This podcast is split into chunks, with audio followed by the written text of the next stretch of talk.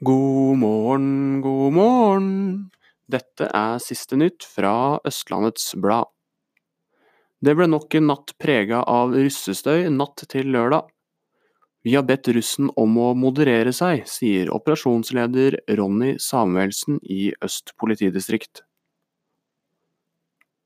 Nordre Follo idrettsråd reagerer sterkt på at de ikke ble tatt med i siste del av prosessen rundt ny svømmehall på Langhus. ØB har bedt kommunalsjef Kjell Sæter svare på kritikken, men han har ikke svart på ØBs spørsmål. Isolasjon lastet på en kassebil begynte å brenne på E6 i Vestby lørdag morgen. Brannen ble slukket og ingen personer ble skadet.